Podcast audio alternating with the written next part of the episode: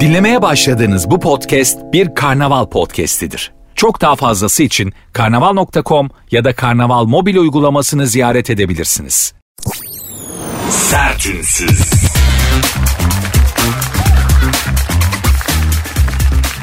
Herkese merhaba. Sertünsüz başladı hanımlar beyler. Ben Nuri Özgül. Saat 22'ye kadar beraberiz inşallah. Kiralık elbiseye gün doğmuş hanımlar. Birazdan mikrofona yaklaşın. Özellikle hanımefendiler.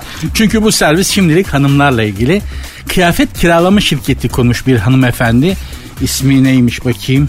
Yasemin Eke hanımefendi bir kira, elbise kiralama şirketi kurmuş. Daha çok gece kıyafetlerine ilgi göstereceklerini düşünüyorduk hanımların ama şu anda kullanıcılar ağırlıklı olarak günlük elbiseleri, günlük parçaları tercih ediyor demişler. Ben de gerçekten abiye kiralarlar diye düşünüyordum. Ama tişört, blue jean, mont böyle günlük kıyafetleri hanımlar daha çok tercih ediyorlarmış. Çok patlamış, büyük patlamış iş. Yani patlamış derken kötü manada söylemiyorum. Çok tutulmuş. Hanımlar fellik fellik yaldır yaldır elbise kiralayıp giyiyorlarmış. Hem de günlük. Hani gece kıyafeti bulmak daha zordur hanımlar için. Bir elbise alırsın çok güzeldir 6 ay geçer böyle koltuk altından lop lop etler çıkar falan. Ay bunu giyemem 80 tane biliyorsunuz yani. O dar blue jeanleri giyerken kaç tane hanım yatağın üstünde böyle ters dönmüş kaplumbağa gibi değil mi? Bünyeye olmuyor ama sen de giymek istiyorsun. Halbuki kod diyor ki ne olur beni giyme ben artık sana darım. ama ama bir şey dinler mi? Hanımefendi dinler mi? O kota girecek. Böyle ters dönmüş kaplumbağa böyle düzelmeye çalışır ya. Yatağın üstünde sırt üstü yatıp böyle blue jean'i çeke çeke.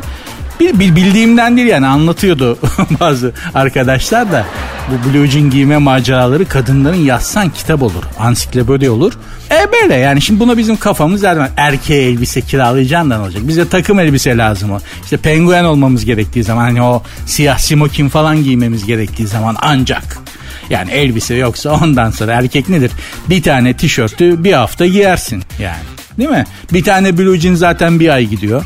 Kirlendikçe güzelleşiyor abi diye de bir yalan var. Erkek dünyasında değil mi? Abi kot kirlendikçe güzelleşiyor ya böyle falan diye böyle bir ay giyiyorsun artık kotun kendisi şeye geliştirmeye başlıyor böyle senin cildinden teninden e, hücreler ala ala partiküller ala ala kotun kendisi bir hayat geliştirmeye başlıyor. Kendisi gidiyor banyoya beni artık çamaşır makinesine at kardeşim falan diye. Ee, bekar erkeğin yüz havlusu da öyledir. Ayrı bir yaşam formu gelişir orada. Yani Japon beyaz havluysa Japon bayrağı gibi olur o. Yüzüne hep aynı ortasına sildiğin için bu böyledir erkek dünyasında. Hanımlar çok başka tabi. Envai çeşit kombinasyonlar falan işleri çok zor. İşte buna bir çözüm bulmak için seçim şansını seçenekleri arttırmak için elbise kiralama şirketi kurmuş bir hanımefendi tebrik ediyorum. Çok güzel fikir. Çanta işi zaten söylemiştim daha önce. Ee, çok büyük markaların çantalarını kiralayabiliyorsunuz günlük ve haftalık olarak. Bu sistem yürüyor internette, Instagram'da falan ama şimdi bir de elbise kiralama işi falan doğdu. Püh, kadınları tutamazsın. Dediğim gibi biz erkeklerde bir tane tişört, bir tane kot, altta da spor ayakkabı devam ki. İnşallah biz erkekler için de böyle şeyler olur da erkeklerin şıklaşmaya ihtiyacı var. Kadınlar zaten genelde hani dikkat ediyorlar şık olmaya. Ama erkeklerin biz erkeklerin biraz şıklaşmaya ihtiyacı var. Sadece şunu anlamıyorum. Çok fazla slim fit gömlek satılıyor, elbise satılıyor Türkiye'de. Ya biz zargana gibi adamlar değilken biz İtalyan erkeği değiliz ki abi. Bizde göbek diye bir şey var. Yani karın bölgesi problemli insanlarız. Bu kadar slim fit memleket İtalyana döndü de herkes fit oldu. Bir ben mi göbekli kaldım anlamıyorum. Hiçbir gömleğin içine gire, girememeye başladım. Bakıyorum slim fit. Bakıyorum slim fit. Etrafa bakıyorum herkes de kalça göbek fırlamış gitmiş. Ya öyle göbekler var ki adamdan sahip olduğu bünyeden 30 saniye önce giriyor mekana. Önce göbek giriyor. 30 saniye sonra adamın yüzü giriyor yani. Biz böyle adamlarız abi. Bu kadar slim fiti kim satın alıyor ya? Kim satın alıyor yani? Bilmiyorum. Ama böyle bir durum var dediğim gibi erkeklerin şıklaşmaya ihtiyacı var. İnşallah bizim için de böyle şeyler yaparlar. Hanımlar beyler programın Instagram ve Twitter adreslerini hatırlatarak başlamak isterim. Zaten aynı. Sert unsuz yazıp sonuna iki alt tire koyuyorsunuz. Hem Instagram'dan hem Twitter'dan bu adresten bana ulaşabilirsiniz. Benim Instagram adresim de var. Nuri Ozgul 2021. Sertünsüz.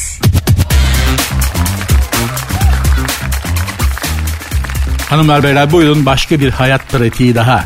Günlük elbise kiralama işinden sonra deri altına kredi kartı montajı da başlamış. Hayırlı uğurlu olsun. İnşallah mahcup olmayız. Ya biz bunun hani bünye dışındakini da kullanmayı öğrenemedik ki. Bunu bir de bizim derimizin altına monte ederlerse var ya olacakları düşünemiyorum. İngiliz bir iş insanı e, kurduğu bir şirketle deri altına yerleştirilebilen banka kredi kartı çipleri satan ilk şirket olduğunu açıklamış. Çip yerleştirme operasyonunun ardından e, sadece bileğin altında böyle küçük bir o çipi açarken monte ederken sonra dikerken küçük bir iz kalıyormuş. Ondan sonra sular seller. E, şey ne o temassız diyorlar değil mi? Temassız var mı diye soruyorlar ya. Ben ilk önce anlamıştım beyefendi temassız var mı diye. Anla, meğerse kredi kartını soruyormuş. Ben ne temas edeceğim kardeşim sağa sola. Merak müptelasıyım sanki. Kimisi dokunma meraklısıdır. Kimisi dokunarak sever. O ayrı bir konu. Şimdi çip bu kredi kartı çipini sizin bilek tarafından deri altına monte ediyorlar. Gideceğin zaman sadece eli okutuyorsun. Ödeme yapacağın zaman tık geçiyorlar. Benim anlamadığım yani birkaç 3-4 tane kredi kartı olan insanlar var. Onların ne o kadar kredi kartı çipini neden yerleştirecekler abi? Hanımlar yani değil mi şimdi düşün 4 tane kredi kartı var adamın. Sağ bileğe bir tane, sol bileğe bir tane. Geri kalan ikisi bir tanesini ayak bileğine, bir tanesini dirseğin altına. Birini okutuyorsun. Ne beyefendi limitiniz müsait değil. Öbür, öbür bileği uzatıyorsun. Onu da hanım boşaltmış. Ayak bileğini baldırda olacaktı bir tane bir dakika falan goldan onun limitsiz falan diye. Baldırı okutuyorsun kredi kartının şeyini düşünsene. Olacağına bak. Her zaman söylüyorum. insanlık iyi bir yere gitmiyor. Bu çipleri falan bize monte ediyorlar. Biliyorsunuz modemleri de monte etmeyi düşünüyorlar. Hatta teknolojisi başlamış. Yani internete bağlandığımız evdeki modemler var ya onu bünyeye monte edeceklermiş. Sen direkt internete giriyorsun. Böbreğin alt tarafından direkt Instagram'dasın. Allah Allah falan. Bir dakika restart edeyim falan. On, mesela değil mi bünyedeki modemi nasıl restart edeceğiz? Ben asıl onu merak ediyorum. Allah'ım ya Rabbim. İnsanı gitgide yavaş yavaş Android haline getiriyorlar. Bu kredi kartı ile ilgili benim hatırladığım e, en tatlı anekdotlardan biri ben Beşiktaşlıyım. Beşiktaş taraftarıyım. Bizim rahmetli başkanımız, babamız Süleyman Seba yattığı yer nur olsun.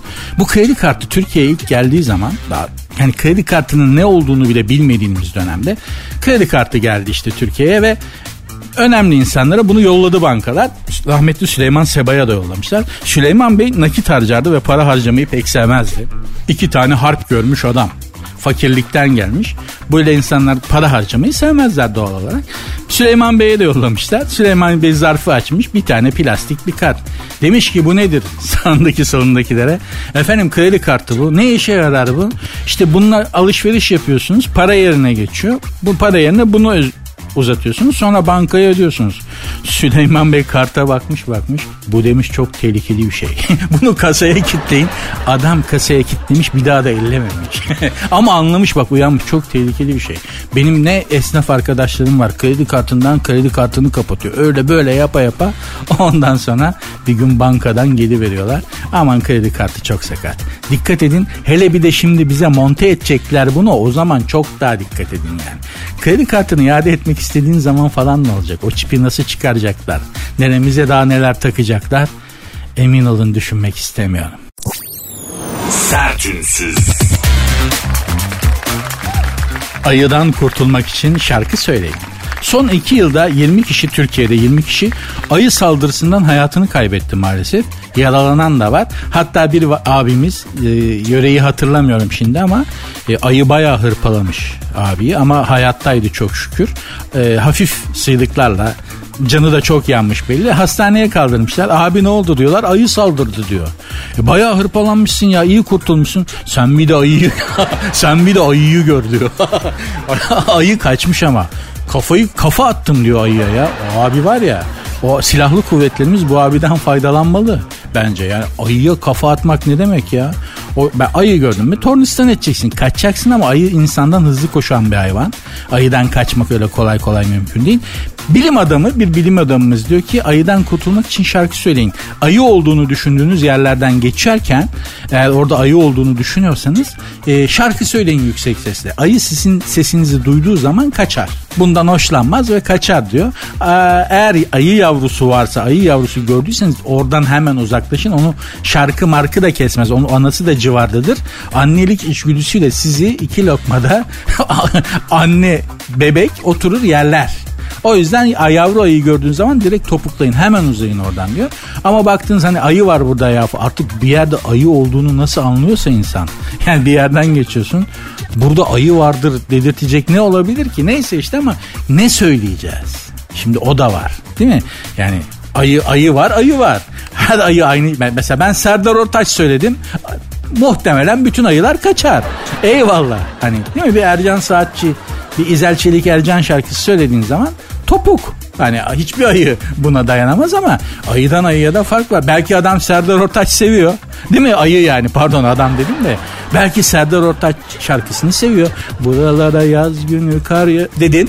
ayı geldi. Abi çok güzel söylüyorsun bir daha bir tane daha diye. O zaman ne yapacağız?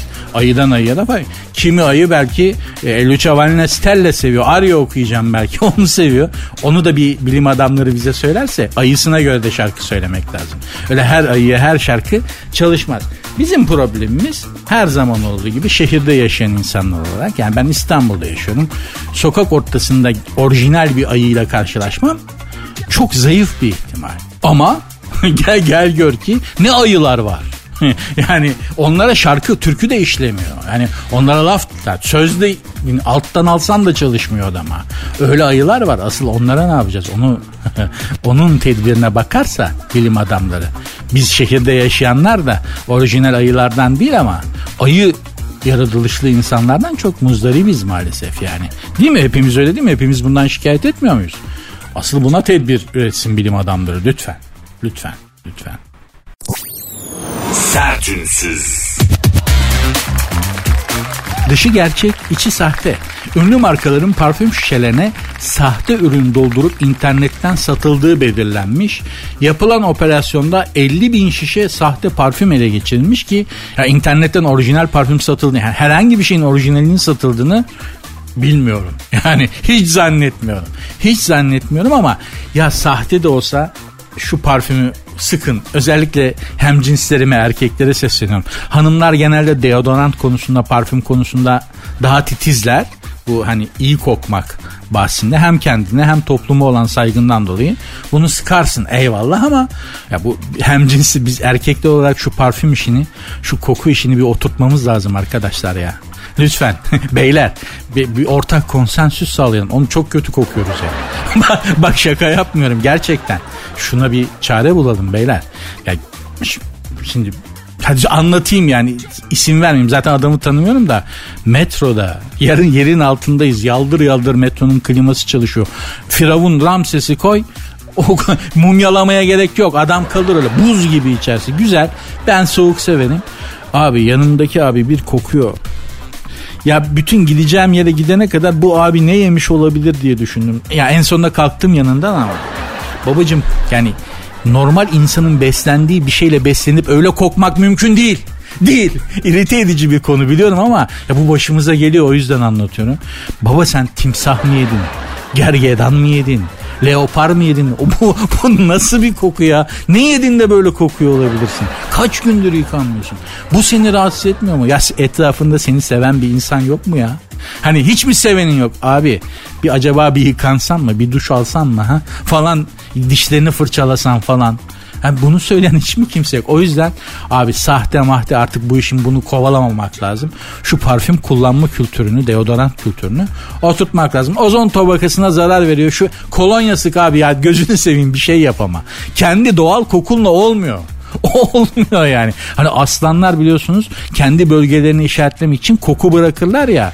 O cins bir şey misin? Nesin? Kendi bölgeni mi işaretliyorsun be adam? Hani metrodayız kendi bölgeni de işaretliyor olamazsın. Bu, bu kadar kokmanın manası nedir ya? Burnun da mı koku almıyor diyeceğim. Beyler Özellikle hem cinslerime, beyefendilere sesleniyorum. Yani parfüm bu işe dikkat eden, kullananları tenzih ederim tabii. Hepsini, bütün erkekler de böyle değil ama ağırlıklı olarak bu sıkıntı bizde. Şu parfüm işini bir rayına oturtalım, bir regulasına oturtalım lütfen ya. Lütfen, lütfen. Hanımlar beyler programın Instagram ve Twitter adreslerini vereyim. Sert unsuz yazıp sonuna iki alt tere koyuyorsunuz. Benim Instagram adresim de Nuri Ozgul 2021 sert unsuz devam ediyor.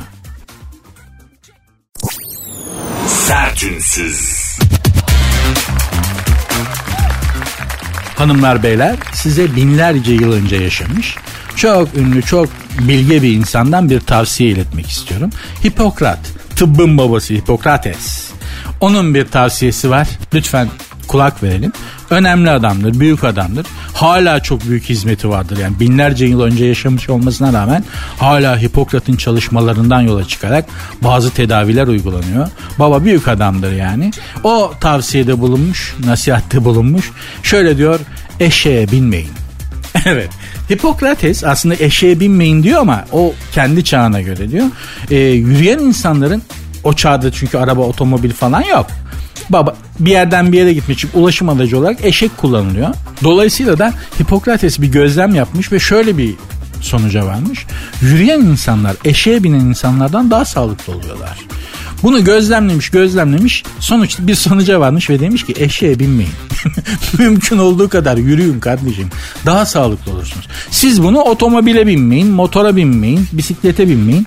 Ne o elektrikli skutura binmeyin olarak algılayın lütfen ve mümkün olduğu kadar yürüyün demiş Hipokrates. Yani eşeğe binmeyi zaten bilmiyoruz abi. Seninki de laf mı gibi saçmalıklar olmasın lütfen. Mümkün olduğu kadar yürüyün. Bu yürüme işinde en e, şeylerinden biri Sinan Çetin'di. Baba her yere yürüyerek giderdi ya. Hani Levent'e falan bıraksana Levent, Cihangir'den Levent'e yürüyecek. Her yere yürüyerek giderdi. Gerçekten de zımba gibiydi ama. Flint hala da öyledir Sinan Çetin yani. Her yere yürüyerek giderdi baba. Hala da öyledir.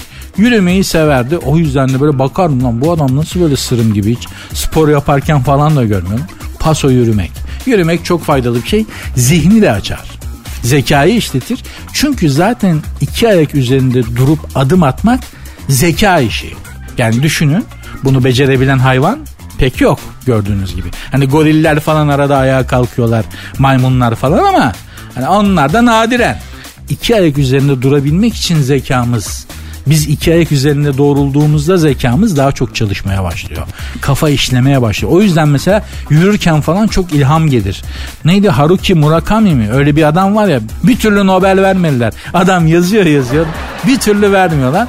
Baba diyor ki yürümeseydim yazamazdım. Yürürken zekanız çok işler. Çözemediğiniz bir problem olduğu zaman içinden çıkamadığınız bir durum olduğu zaman ya da yeni bir şeyler bulmaya ihtiyaç hissettiğiniz zaman yürüyün. Göreceksiniz ki gelecek o cevap. Biliyoruz da konuşuyoruz yani. Başımızdan geçti bunlar. Hipokrat'ın sözünü tutun ve eşeğe binmeyin. Hanımlar beyler. Hipokrat boşa konuşmaz. Biliyordu söylüyor adam. Sertünsüz. Sertünsüz devam ediyor hanımlar beyler. Beyaz yakalılar yıllarını boşa harcıyorlarmış. Sanki mavi yakalılar çok da biz hepimiz hepimizin hayatı heba olup gidiyor. Çok affedersiniz. ıvır zıvır peşinde. Beyaz yakalılarınki nasıl gidiyormuş? Ona bakalım hanımlar beyler. Amerika'da bir araştırma yapılmış. Öncelikle genel olarak hayatımızın 10 yılını telefonda konuşarak geçiriyormuşsunuz. 4 ayını da dijital platformlarda izleyeceğimiz filmi seçmeye çalışarak ki çok doğru. Yani açıyorsun Netflix'i, YouTube'u, şunu bunu falan çok affedersin. Onu mu seyredeyim? Biraz bakıyorsun. Bir iki bu sarmadı çıkıyorsun ötekine giriyorsun. Değil mi? film cehennemi film izle yazıp değil mi? Açıyorsun filmleri. Onu mu seyretsem bunu mu seyretsem derken aa bak bir bakıyorsun hiçbir şey seyretmeden bir buçuk saat geçmiş. Bana çok oluyor mesela size oluyor mu bilmiyorum mutlaka oluyordur. Çok ciddi sıkıntı o. Beyaz yakalıların durumuna gelince onunki daha vahim yazım hatalarını düzeltmek için hani Word'de bir şey yazıyorsunuz, Excel'de bir şey yazıyorsunuz, raporlama yapıyorsunuz falan ya. İşte yanlış harf, yanlış kelime, yanlış parantez, bilmem ne, yanlış satır attığını falan bu yazım hatalarını düzeltmek için bir beyaz yakalı her gün 20 dakikasını harcıyormuş. 45 yıllık bir ofis çalışanın içinde 6 aya tekabül ediyormuş. Sadece backspace ile geri gelmek. Oraya çıkıp tık geri alıp bir harfi düzeltmek, yanlış bir harfi düzeltmek için 45 senede yarım yılımız gidiyormuş. Ayrıca mail hesaplarına girmek için burası çok vahim ya.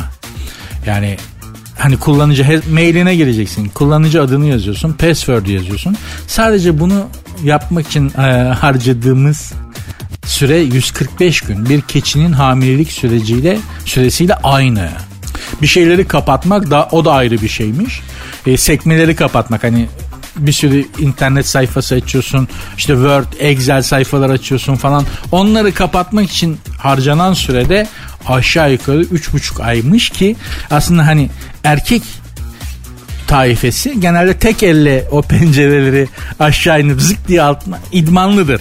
Yani detayını vermeyeyim ama özellikle beyefendiler değil mi? Tek elle klavye mouse kullanımında çok yani zaman içerisinde insan pratik kazanıyor. kazanıyor yani. Şimdi burada detay verip e, bazı gerçekleri ortaya dökmek istemem ama yani neyse girmeyeceğim oralara.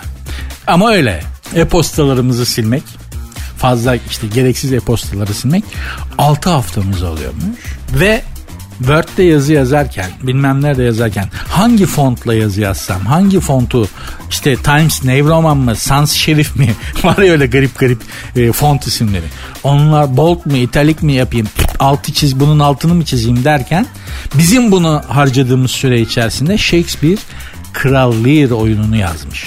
O kadar zaman harcıyormuşuz detaylar, ıvır zıvırlar, şunlar bunlar hayatımızdan çok önemli bir kısmı alıp götürüyor ve maalesef farkında değiliz. Daha bunun gibi kim bilir neler var. Yani arabanın anahtarını aradın, kapının bilmem nesini yaptın, yok e, yemek pişireceksin, kepçeyi nereye koydum, tuz neredeydi, ıvır kıvır derken ayakkabı giyeceksin, çekecek bulamıyorsun. O orada ya bir sürü şey düşünün işte bunun gibi. Bir ömrün çok ciddi bir kısmını ıvır zıvır saçma sapan detaylarla harcayıp gidiyoruz. Ve işin ilginci ve kötü yanı bundan kurtuluş da yok. O yüzden elinizde olan an şimdiki an ve şimdiki anda böyle ıvır zıvırla harcamak maalesef çok kötü. Albert Camus yabancılaşma felsefesi falan işte yabancılaşma durumları. Bir insanın yaşadığı en önemli şey yabancılaşmanın da temel sebeplerinden biri. Şu anı yaşıyorsun. Bir tek şu an olduğu için elinde. Geçmiş zaten gitti bir şey yapamıyorsun. Gelecek gelmedi bilmiyorsun. Bir tek şu an var. Ne geçmişin anlamı var ne geleceğin anlamı var derken her şeye yabancılaşı veriyorsun. Bir de böyle ıvır zıvırla geçiyor şimdiki an. İnsan olmak da zor be. Dün söylediğim gibi ev kedisi mi olsaydık ya? Valla bak şu zamanda en kral iş ev kedisi olmak ya. Böyle Scottish short hair. Kulaklar düşük, sevimli. Herkese kendini sevdirirsin, baktırırsın. Ekmek elden su gölen. Bütün bir sıkıntısı kendini yalayarak temizliyorsun. Değil mi? Hani onu da hallederdik ya bir şekilde artık biraz dişini sıkarsın yani. O kadar olur. Ev kedisi olmaya özenmeye başladım. Allah sanımı hayretsin arkadaşlar. Sertünsüz.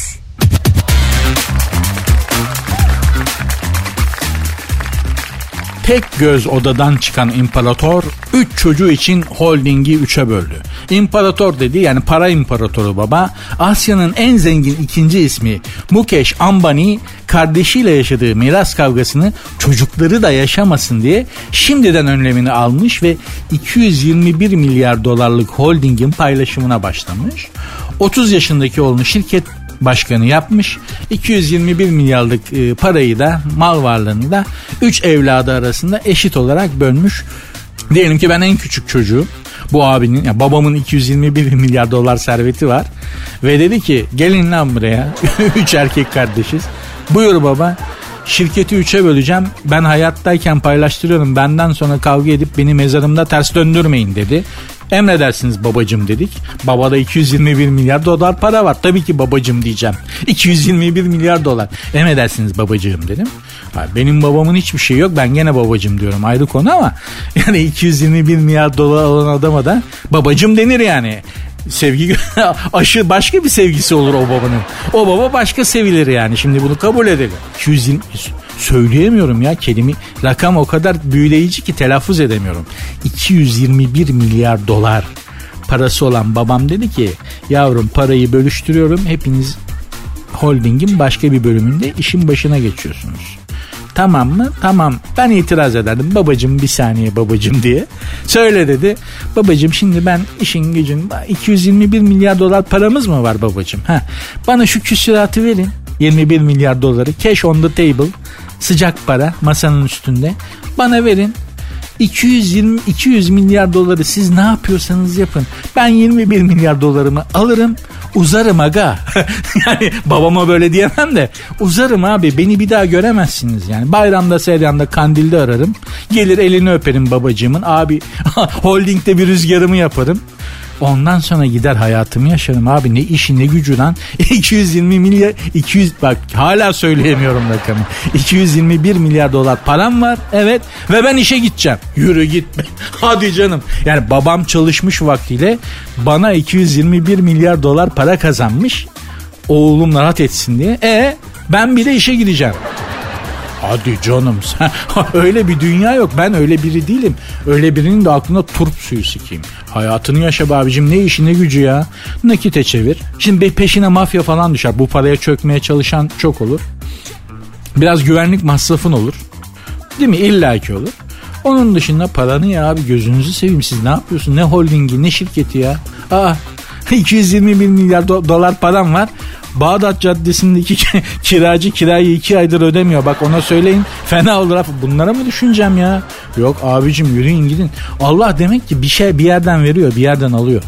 yani değil mi? Ya da ben zengin olmanın şeyini bilmiyorum. Raconunu bilmiyorum. Zengin olmanın raconu bu demek ki. Paranın başında durmak gerekiyor. Ama çok açık ve net söylüyorum. 221 milyar dolarım olsa ne SGK'ya kaydım olur ne Bağkur'a ne bir şeye. hastane alırım lan. Yani hasta oldum abi. Hastane alırım abi. Giderim Amerika'daki en kral hastaneye alırım. Parasını veririm. Bütün doktorlar benim oğlum. Kimseye bakmıyorsunuz. Ben hasta olduğum zaman bir tek bana bakacaksınız. Dağılın. Bitti. Ya para dediğin şey böyle harcanır be kardeşim. Demek ki öyle olmuyor. öyle olmadığı çok belli. Kendi halimden yani. Allah izin, Allah inşallah dinleyen herkese çok para verir. İşinize böyle para yağar inşallah yani. Bütün para sahiplerinin de en büyük şeyi bu da değil mi? Parayla mutluluk olmuyor. Neyle oluyor? Neyle oluyor ya? Biri bana söylesin parayla olmuyor da neyle oluyor? En büyük yalandır. Söylenmiş en büyük yalanlardan biridir insanlık tarihinde parayla bir mutluluk oluyor abi. Aklın şaşar. Bak aklın şaşar. Sen parayı yemeyi bilmiyorsun aslanım. Yoksa parayla öyle bir mutlu olunuyor ki ağlarsın. Bak ağlarsın o kadar diyorum. Sertünsüz. Hasta yakınları birbirine girmiş. Yine bir hastane yine bir şiddet haberi ama bu sefer sağlık personeline yönelik değil.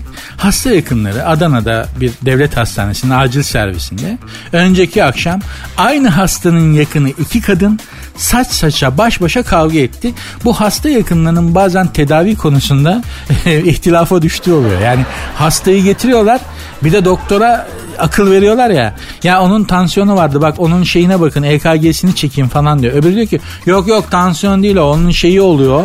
O biraz fazla şekeri kaçırdı onun şekeri fazla. Bak şeker ya ulan bir dur da. Sonra bunlar tedavi konusunda anlaşamamışlar. Genelde doktorlara dalıyorlar. Sağlık personellerine dalıyorlar maalesef. Fakat bu sefer kendi birbirlerine dalmışlar. Hayır tansiyonunu ölçecek. Hayır EKG'si çekilecek diye. Adana'da Çukurova Devlet Hastanesi'nin acil servisinde birbirlerine girmişler. İşin ilginç yanı şu. Bu iki hanımefendinin erkek olan başka bir akrabası da onları ayırmak için araya girmiş. Ayıramayınca kendi saçlarını yolmuş. Ne olur durun diye. Kadınlar birbirinin saçını yoluyor. Adam onları ayırmaya çalışıyor. Ayıramadığı için kendi saçını başını yoluyor. çok iyiymiş film gibi ya film sahnesi gibi. Gerçekten ama beyefendi çok haklı yani ayırmaya çalışan beyefendi çok haklı. Ecnebiler buna cat fight derler. İki kadının e, fiziki mücadelesi. O araya o araya e, Amerikan ordusu girse harcanır. Birbirine fiziken müdahale eden, kavga eden yani fiziki olarak kavga eden iki kadının arasına girme harcanırsın. Bu taraftan mevzuya girersin öbür taraftan kemik olarak böyle eti sıyrılmış kemik olarak seni atarlar farkında bile olmazlar. Hani buna ne oldu ya buna kim ne yaptı diye bir de sorarlar asla tartışan, kavga eden, hani birbirine yükselen iki kadının arasına asla girmem. Efendi gibi böyle kabahat işlemiş kedi gibi kenara pısarım. O fırtınanın geçmesini beklerim. Neden? Çünkü bende akıl var. Akıllı erkek böyle yapar. Tartışan iki kadının arasına asla girmeyin. Harcanırsınız söylüyorum ya Amerikan ordusu girsin. Hava gazı. Biz beyler yapacağımız şudur beyler. Bak binlerce yıllık bu dünyada değil mi? Kadın denen e, türle, kadın denen insan türüyle bir arada yaşıyoruz. Yakın ilişkiler içerisindeyiz. Bunu artık öğrenelim. tartışan kadınların arasına girilmez. Neden? Harcanırız. Bitti. Aklın yolu bir. Lütfen buna uyalım. Hanımlar beyler ama bana mentionlaşabilirsiniz benimle. Yani kavga etmek için değil ama güzel güzel konuşmak için. Programın zaten Instagram ve Twitter adresi aynı. Sert unsuz yazıp sonuna iki alt tere koyuyorsunuz. Benim Instagram adresim de var. Nuri Ozgul 2021. Saçları olmayan erkeğin saçını yolma çabası da çok trajiktir ha. Yani gerçekten ben bir kere gördüm baba olmayan saçlarını yolmaya çalışıyordu. Tribe girmiş yani krize girmiş diye saç arıyor parmaklarla kafada. O da ayrı bir sorundur. Allah onlara da yardım etsin ne diyeyim yani. Sertünsüz. Buyurunuz bakın iki hanım arasında çıkmış başka büyük bir kavga. Bu sefer yer Adana değil Bodrum. Dikkat ettiyseniz hep sıcaklık oranı yüksek yerlerde e, büyük arızalar çıkıyor. Güneş siniri yapar, sıcak siniri yapar yani doğrudur. Doğru. Hani bu Nordikler aman efendim bu Norveçler Finlandiyalılar ne kadar barışçıl. Lan hava eksi 45 derece adamın sağdan sola dönecek hali yok. Tabii ki barışçıl olacak. Ne sen ver bakayım Finlandiya'ya 35 derece sıcağa bak ne oluyor. Birbirlerini yerler. Gerçek anlamda yamyam olurlar yani. Biliyoruz da konuşuyoruz. Bizim en büyük problemimiz sıcak. Yoksa biz de şeker gibi insanlarız yani. Şimdi hani Adana'da çok oluyor diye söylüyorum. Adana'ya git tek tek muhatap ol. Şeker gibi insanlar oturup konuşma sohbetine doyamazsın. Ama hava sıcak abi. Fıttırınca büyük fıttırıyor yani. Yapacak bir şey yok. Bakın Bodrum gene sıcak bir yer. Bu sefer iki hanımefendi çanta alışverişinde birbirlerine dalmışlar. Şöyle 75 bin liraymış çanta. 8 tane varmış mağazada. Yani yet, tanesi 75 bin lira ve 8 tane var o çantadan. Bir Rus hanım e, hepsini kapattım demiş. 8'ini de ben alıyorum. O sırada bizim bir Türk hanımefendi de yok ikisi benim demiş. Rus demiş ki 8'ini ben aldım. Türk hanım demiş ki sen deplasmandasın burası Bodrum. Benim memleketimde bana posta mı koyuyorsun? O çantalardan ikisi benim. Mağazacı durun hanımlar yapmayın derken bunlar birbirlerine bir gir. gene saç saça baş başa. Gerçekten fiziki e, mücadelelerinde hanımlar hiç istemeyiz, hiç görmek istemeyiz. Kimseye yakışmıyor hanımlara hiç yakışmıyor. Genelde saça hücum edilir değil mi? Ama ben de şahit olduklarımda hep saça ya da yüzü cırmalama e, şeklinde gelişiyordu. yani öyle bir teknikleri var kadınların. Öteki kadına ya da bir erkeğe saldırdığı zaman genelde surata cırmık atma şeklinde oluyor. Benim başıma gelmedi. Başımdan geçmedi. Bilmiyorum. Hiçbir hanımı o kadar sinirlendirmedim. Ya da sinirlendirdiysen de tuttu kızcağız kendini. Helal olsun. Sağ olsun. Çünkü o, o da yani izi de geçmiyor. Hani kadının tırnak kadının tırnağıyla açtığı yara neşter yarası gibi. Neşter yarasında mutlaka bir izi kalır ya. Allah korusun ya. Ben bir de şimdi o yapma takma tırnaklar takıyorlar böyle. Şu sustalı gibi ya. Gerçekten yani ruhsatı silah ruhsatı falan vermek lazım. Öyle bir tırnaklar takıyorlar ki Allah'ım ya Rabbim onunla sana faça atar yani yukarıdan aşağı cırt yaptığı zaman faça atar Allah korusun. Neyse o konulara da girmeyelim. Bu hanımlar 75 e, bin liralık çantanın 8 tanesi benim 2 tanesi senin diye diye birbirlerine girmişler.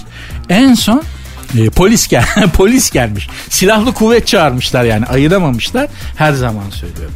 Polis de hava gazı.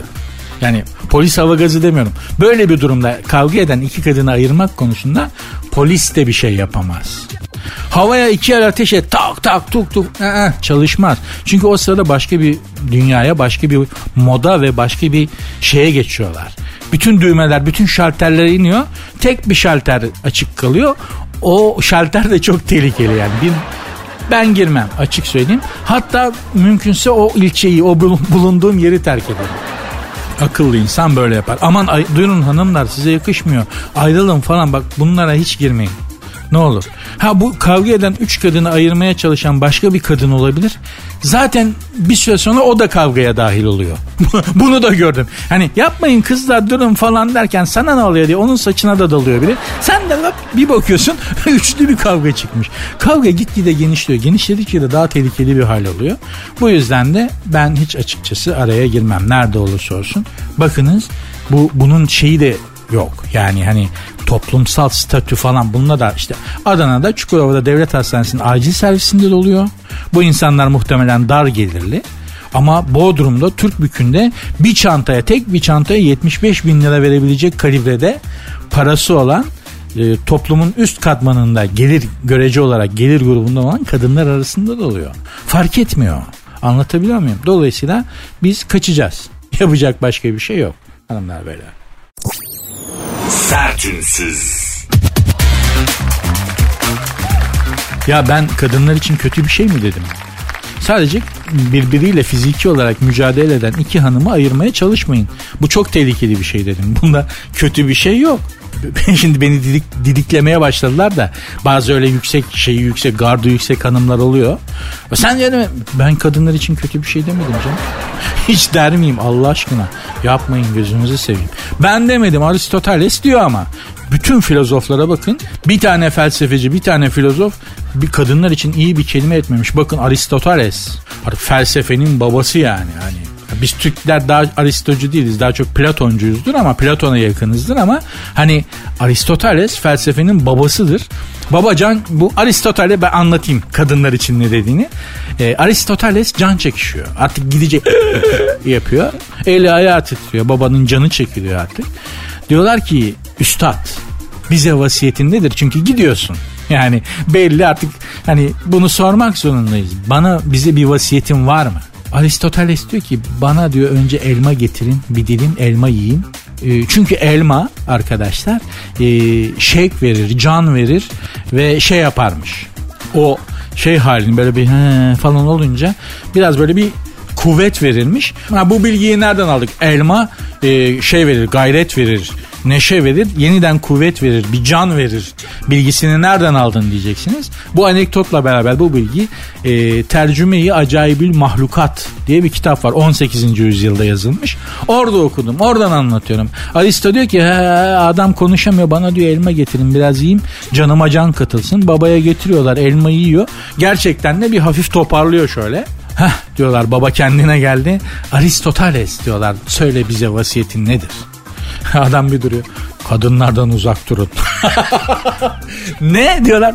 Kadınlardan uzak durun. Baba niye falan? Bütün şeyi inceledim. Hani bütün varlık alemini inceledim. Gözümün gördüğü falan. Kadınlar kadar diyor tehlikeli bir varlık görmedim. Aman evladım kadınlardan uzak durun.